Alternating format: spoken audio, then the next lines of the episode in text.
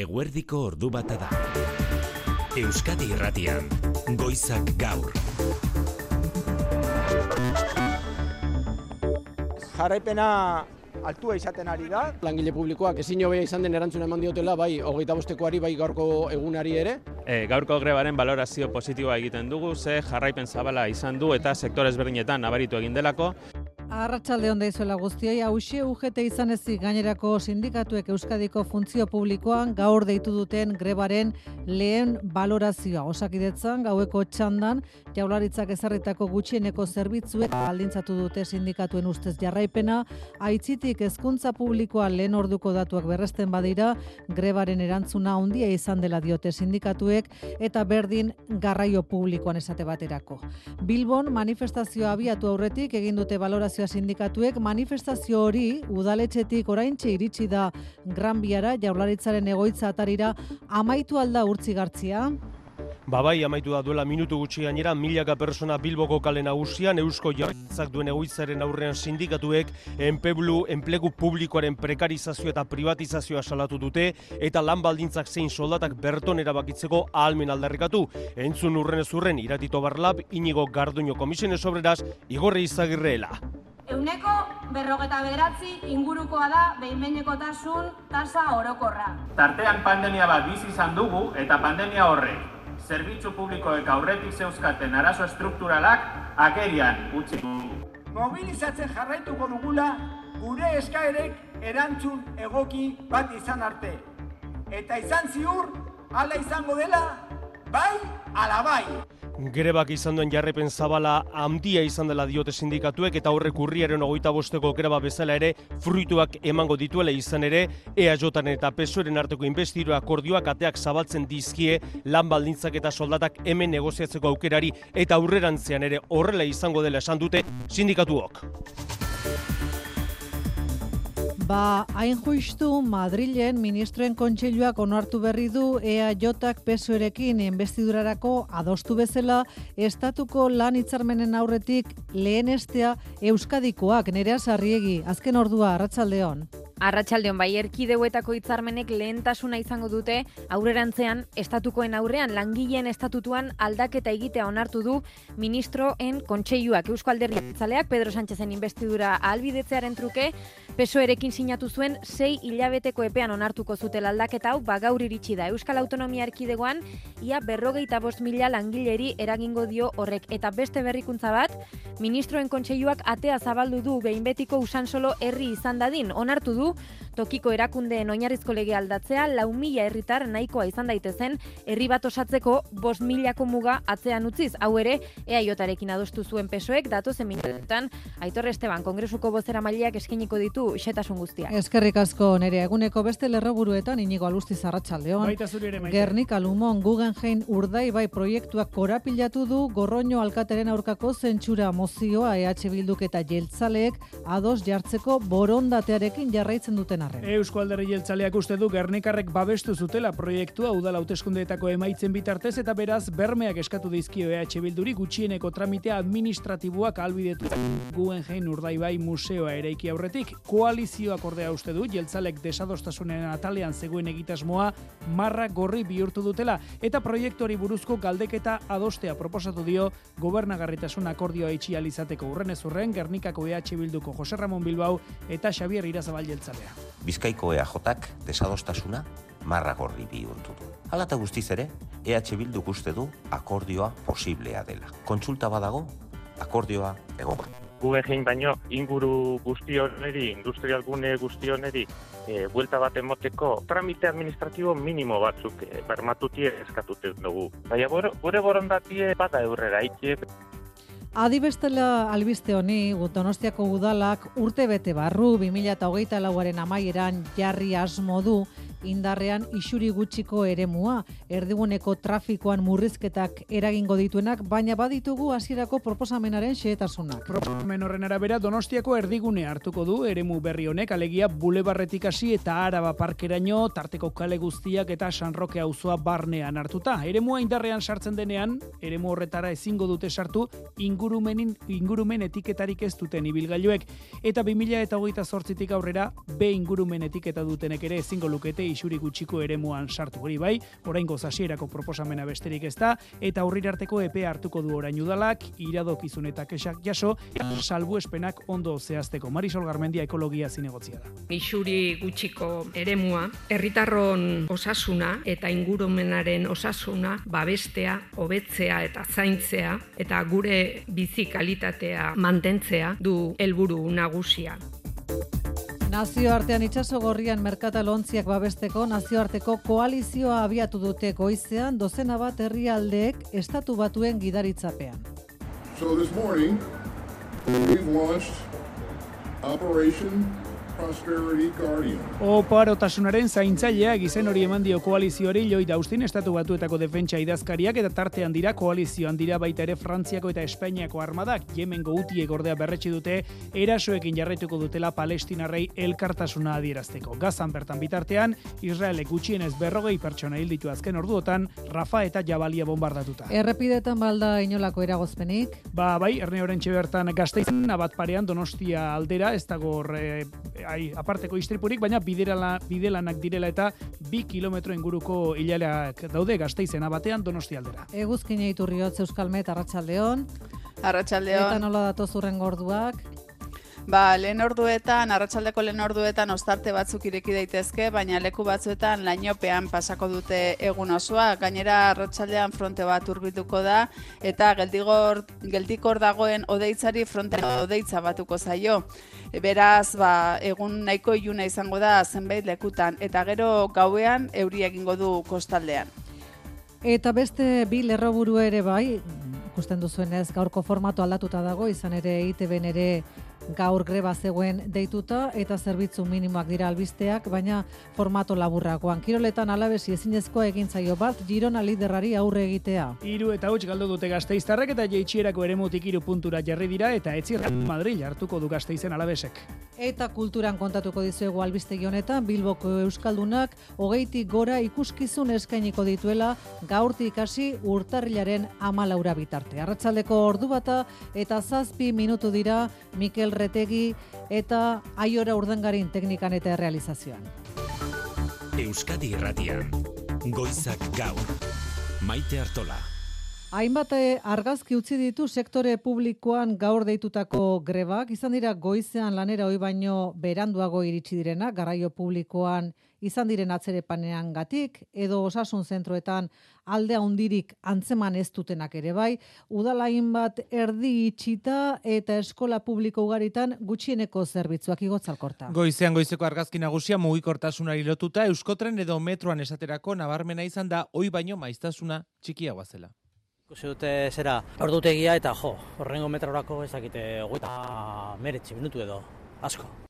Metroko zuzendaritzaren arabera dena den oroar amar trenetik zazpik zerbitzu eskaini dute goizean Bilbon. Gasteizen aurrez ere protestan ari zen tubisan, lautik iruk bat egin du grebarekin gaur. Aldiz, eragina txikiago edo apenas izan da enpresa pribatuek kudeatutako beste garraio publiko batzuetan, beste autobus batzuetan. Txagorritxun joan etorria handia gaur ere, eta hilarak oi baino gehiago dute ziren, hor zalantza.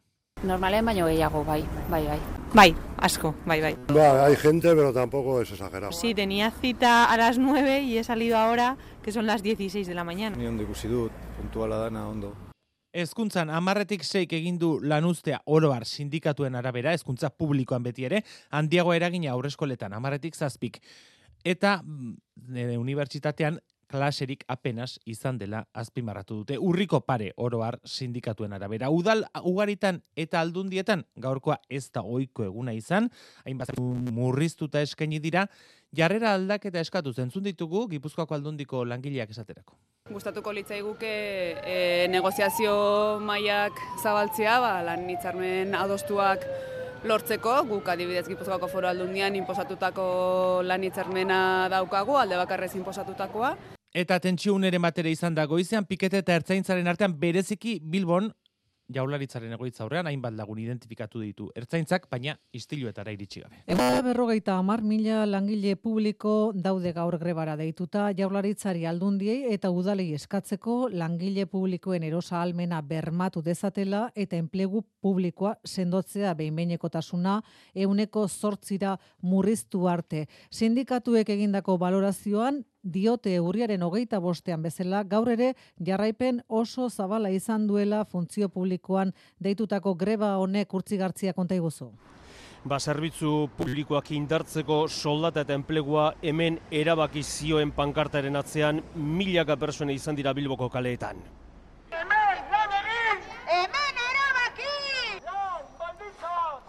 Funtzio publikoaren prekarizazioa eta privatizazioa salatu dute sindikatuek, e, behin-beineko tasa euneko berroita bederatzikoa delako eta gehienez ere euneko sortzikoa izan beharko lukelako alaber, soldata euneko amar igotzea aldarrikatu dute, eko zein estatuko aurrekontuen negoziazioa begira gainera, batetik zerbitzu publikoen aldeko apustu egin dezatela eskatu diete edo exigitu diete alderdi politiko guztiei eta bestetik Espainiako gobernuaren aurrean la balditzak eta enplegua hemen negoziatzeko betorik jarri ez dezala bermatzea.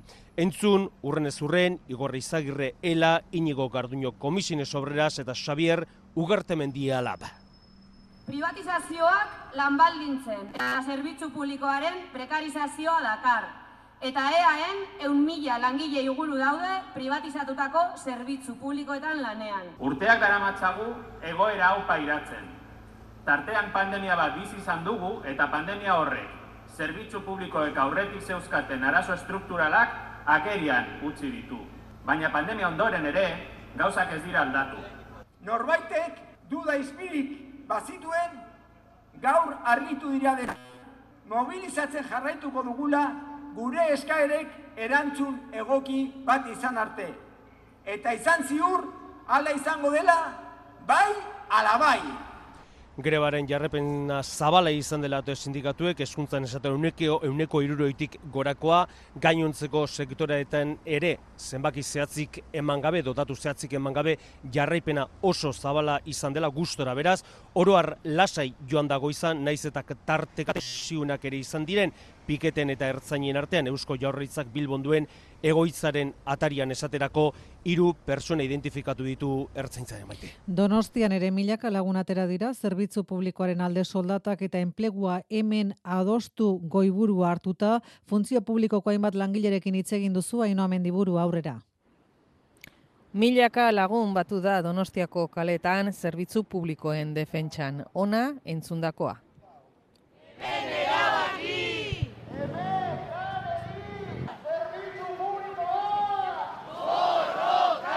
Eren atzetik beste lau, hezkuntza, osakidetza, udal eta jaurlaritzako langileen aldarrikapenekin. Guztiak bat datoz lan baldintzak okerrera doaz eta kasu askotan zerbitzuak privatizatu azpi kontratatu egin ditu eusko jaurlaritzak.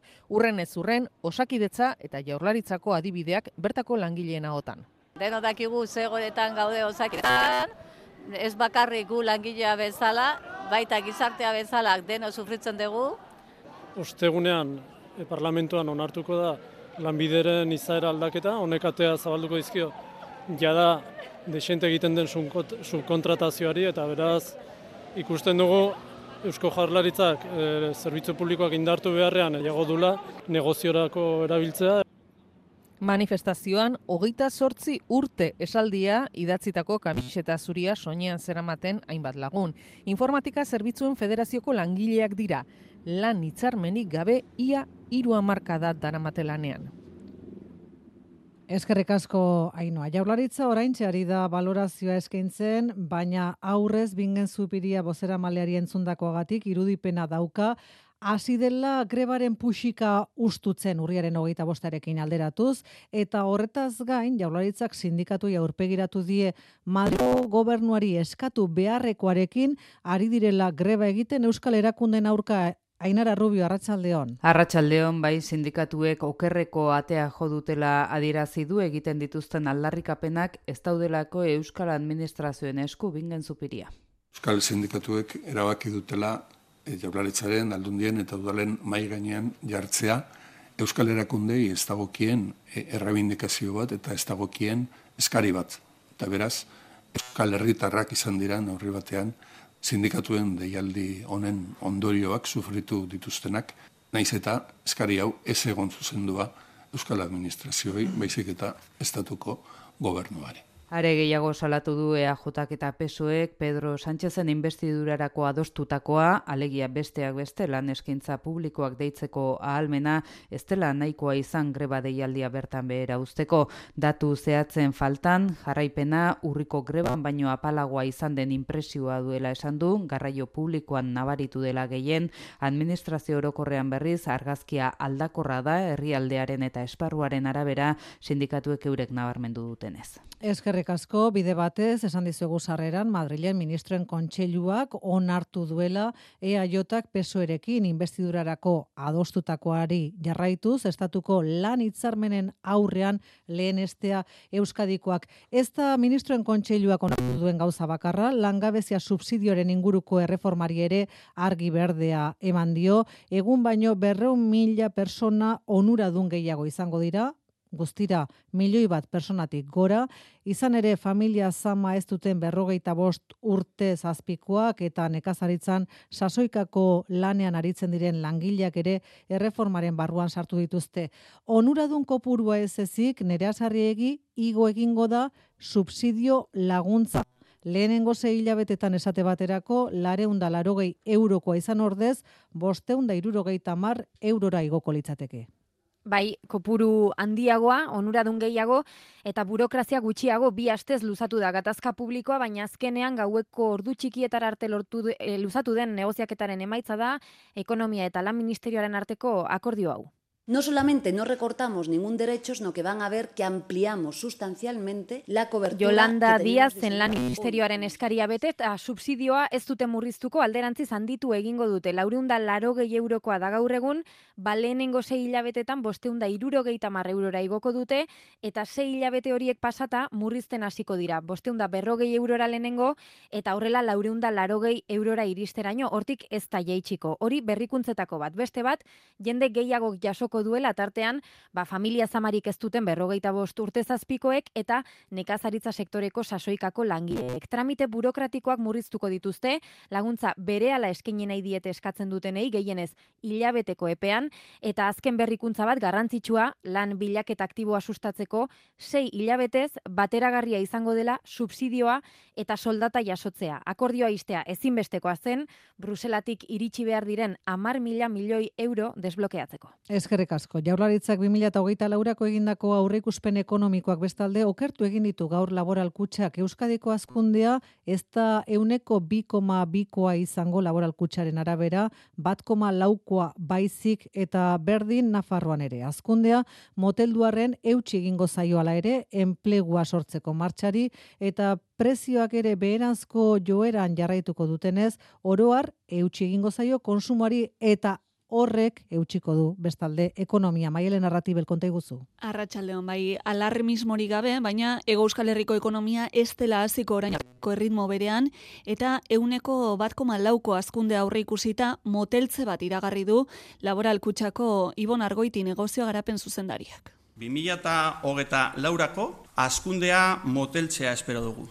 Interes tasen igoeren eragina nabaritu egingo da, eta askunde zifrak 2000 eta hogeta irukoak baino leunagoak izango dira. Ekonomiaren geldotze hori etorriko da neurri batean entzun duzu, interes tipoen igoerak euronean eragin dituen zailtasunen ondorioz eta horrek eragin duelako mundu mailako ziurgabetasunarekin batera industria arloko esportazioak aulezia egoeran egotea zerbitzu sektorearekin alderatuta. Hain zuzen, amaitzera doan 2000 eta hogeita irua ere, hobeto xeago, baina bide beretik joan da, azkundea ego euskal herrian euneko bat koma zazpikoa izango da, estatukoaren puntu bat puntu erdi bat azpitik, eta hori ulertzeko gakoetako bat da industriaren auzia egoera. Estatuarekiko alde hau, egitura sektorial desberdina izatea gaitik sortzen da. Izan be, manufaktura sektorean ahultasuna nagusitu da, maila globalean. Hala ere, etorkizunari baikor begiratzen diote laboral kutsako ikarlariek, izan ere lan merkatuak joera positiboari eutxiko dio, alegia lanpostuek sortzen segiko dute, prezioak jeitsiko dira, horre guztiak indartuko du kontsumoa, eta hain zuzen kontsumo horrek lagunduko du ekonomiari eusten, naiz eta ikerlariek onartzen duten hori bai, ezer ziurtatzea oso zaila dela, bereziki ekialde hurbileko egoerak eraginda. Bizi itxaropenak bestalde behera egin zuen iaz, Euskal Autonomia Erkidegoan, eta 2000 eta amazazpiko mailan kokatu. Eustat, estatistika erakundeak gaur zabaldutako demografia adirazleen arabera, COVID pandemiak eta udako bero aldiak eragin zuten bizi itxaropenaren jaitsiera hori mertzetxe berria. Bai, zehazki COVIDak iazko urtarrila eta ekaina artean eragindako hilkortasun tasa altuak eta uztaileko bero aldiak ekarri dute jaitsiera. Gizonengan bi amarrekoa izan da, emakumeengan hiru amarrekoa. Une honetan lauro gehi urte terdikoa da, bataz beste gizonen bizi itxaropena Euskadin, lauro sei urtekoa emakumeena. 2000 eta bigarren urteak ez dio hortaz buelta eman, 2000 eta hogeian pandemiaren eskutik hasi zen bizi itxaropenaren berantzko joerari. Eustatek gaur zabaldutako demografia adierazleen artean nabarmentzeko abestetik, ugalkortasunaren maila bereziki basua. Lau amarreko behera eginda, emakume bakoitzeko bat koma bi da jaiotza tasa orain Europako batasuneko batazbestekoa bat eta erdikoa da, eta bikoma batekoa litzateke berriz, belaunaldi erreleboa bermatuko lukeena.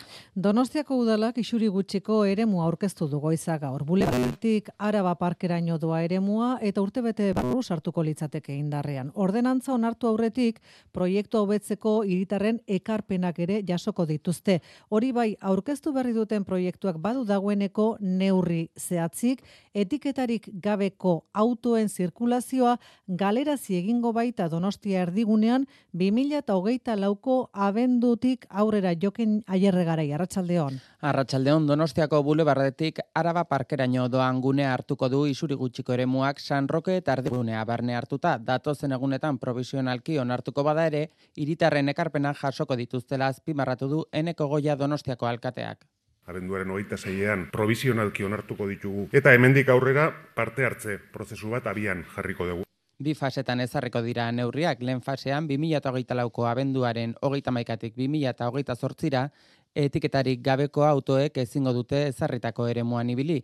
Hau da, 2000 bat aurretik matrikulatutako gasolina autoak eta 2006 baino lehenagoko dieselak. Marisol Garmendia Donostiako ekologiako zinegotzia euneko amarreko kotxeak izango dira kaltetuena, izan ere kutsadura handiena eragiten duten kopurua, euneko berrogeia kontaminatzen dute.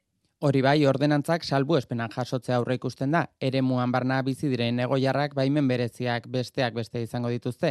2008 zortzian hasiko den bigarren fasean, B ingurumenetik eta duten ibilgailuek ere ezingo dute isuri gutxiko eremuan sartu. Arratsaleko ordu bat eta hogeita iru minutu dira, nazioartean itxasogorriko merkatalontziak babesteko nazioarteko koalizio eratu dute dozena bat herrialdek estatu batuek gidatuta. Munduko petroleo eta gas merkatuaren zat, pasabide estrategikoa da hau, eta itxasogorriaren blokeoak zuzenean eragingo lieke besteak beste energiaren prezioi. Koalizioaren berri zain bezain lester, jemen gutiek erasoekin jarraituko dutela agindu dute, Palestinarekiko elkartasunez landerra izagirre arratsaldeon. Arratsaldeon bai, gazako gerra munduko merkataritzari eragiten hasi zaio koalizioak koalizio itxaso gorriko erasokin jarraituko duela oartara zidu jemengo armada utiak eta ez duela etxiko palestinaren arkako zapalkuntza amaitu arte. Itxas merkataritzako hainbat konpainiak geldirik dituzte euren ontziak eta gaur Maerskek Afrikari itzuli osoa emateko agindu die bere menpeko karga ontzi guztiei.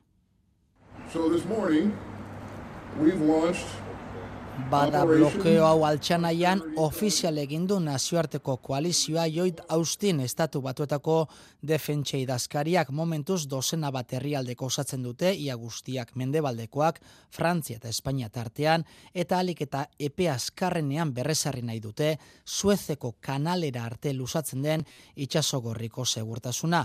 Nazioarteko segurtasun kontseiluan bestalde estatu batuen beto altxa dezaken ebazpen bat ari dira negoziatzen Suez hilabeten terminoa saiestuta, gazan dozenaka pertsona hilditu Israelek, gehienak jabalian eta rafan, eta jamasek koeteak zuzendu ditu Tel Aviven aurka. Apunte bat, Errusiako gobernuak biltegietan gordeta dituen bestalde amabost mila balistiko erabiltzeko prest jarriko ditu urtea amaitu aurretik. Eta hartarazi du bere gaitasun gerra handitzen ari dela mendebaldearekin duen gerra hibridoaren testu inguruan Ukrainako frontean bitartean zazpi mila kilometro minaz jose dituztela hori jakinarazi du gaur ekitaldi militar batean Sergei Shoigu Errusiako defentsa ministroak. Moskun drone erasoa alegin baten berri ere eman dute agintariek, baina hasiera batean meintzat inolako ondoriorik gabekoa.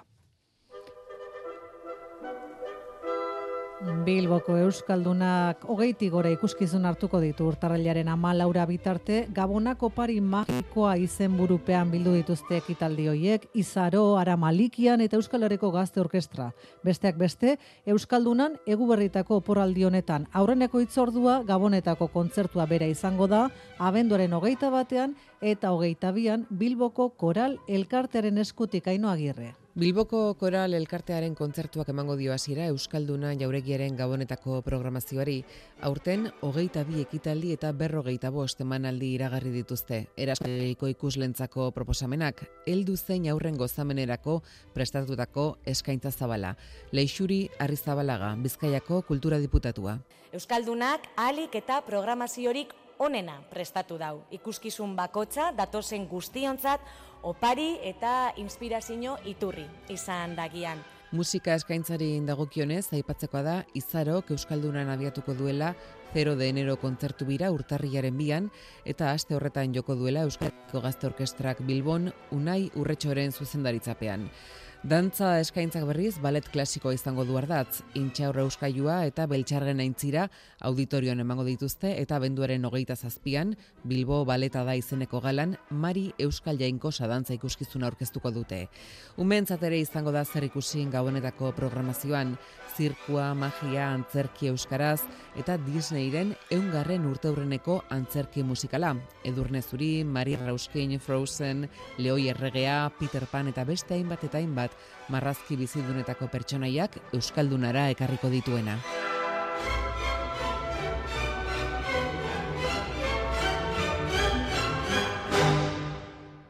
Ba, begira, doinu hoiekin paso emango dizugu, Jose Maria Paula Zarratxaldeon. Arratxaldeon, maite. Alabez, ezinezko egin zaio Bart Girona liderari aurre egitea. Iru puntura ditu jaitsierako postuak alabezek, Bart iru eta huts galdu du Girona lideraren zelaian, une bakar bat ez du partidan sartu eta aurkariari aurre egiteko modurik izan. Gironarrak, bi eta huts aurretik ziren atxeden aldian, eta irugarrena bigarren zati hasi eta bere egin dute penalti jaurtek eta ze kolpetsua da alabezentzat, baina lo hartzerik ez dago.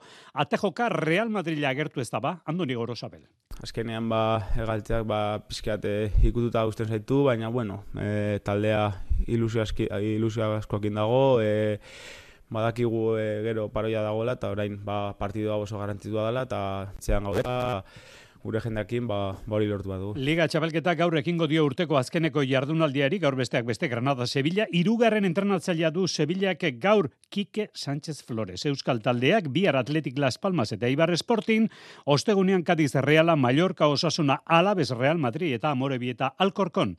Binakako pilota txapelketan, subatean ibiliko dira pilotariak gabonetan, bosgarren jardunaldia hementxe dugu, partida berezia larun batean labriten liderrak elkarren kontra. Jak, kurren abigarrena, Peio Etxeberria, Jose Javier Zabaleta. Bueno, berezia, azkenen txapelketa asko gelditzen da aurretik, baina, bueno, e, bikote honen kontra, bueno, puntua lortzen baldin badugu, bueno, e, puntu garrantzitsua da nire ustez, Eta bueno, horretan saiatuko gara larun batean. Jardunaldia ostiralean hasiko da arrasaten eta donostiako atanon. Zesta puntan Eusko Labelu Inter Series torneoan, Johan eta López final aurrekoetan ditugu. Bart Bijoak irabazi dizkiete, Arberi eta Manziri, Imanol López. Zoain eh, alizan da katxak edukitzea eta partio irabaztea, hori hemendik aurrera zailagoa da. Beraz, e, gaurtza momentu egiteko denak eta hortxe, hortxe geratzen dira. Garaziko superprestigioan Sánchez finalerako klasifikatu da eta finaleko beste txartela datorren igandean argituko da. Hospital Dukasu partiako garailea. Eskubaloian bidasoa gaur berri emandu Alex Mozas, Madrildarra izango duela internatzaile, ondorengo bide moralditan. Torrela taldean dabil eta bere ibilbidea jarraitu du Julen Aginagalde bidasoako kido zuzendariak oso Gabon egin dut began, division horretik ba, asaulera egozten taldea, eta bertan egon portu da, eta uste dut, ba, e, ibilbide polita lan berak baita ez, e, aurrera egiteko, e, taldearekin batera, uste dut elkarrekin gora egin dezakegula, eta alde hortatik oso konten, ez, bere baita ere, ba, selezioko e, kategoria txikitan e, lan asko egin du, eta alde hortatik, baina uste dut, e, aproposa dela e, gure talderako. 2000 eta hogeita lauan, datorren urtean hasiko da talde entrenatzen Alex Mozas, gaur gainera ipatu behar dugu, partida dukala Baskoniak Belgraden jokatuko du Maccabi Tel Avivkoaren kontra ikuslerik ez da izango pionirraretoan, sortziak eta bostean hasiko dute partida. Errepidetan ez dagoela aparteko arazorik esan berri digu segurtasun sailak eta hause urren gorduetarako eguraldiaren pronostikoa euskalmeten eskutik. Arratsaldeko lehen orduetan ostarte batzuk ireki daitezke, baina leku batzuetan lainopean pasako dute egun osoa.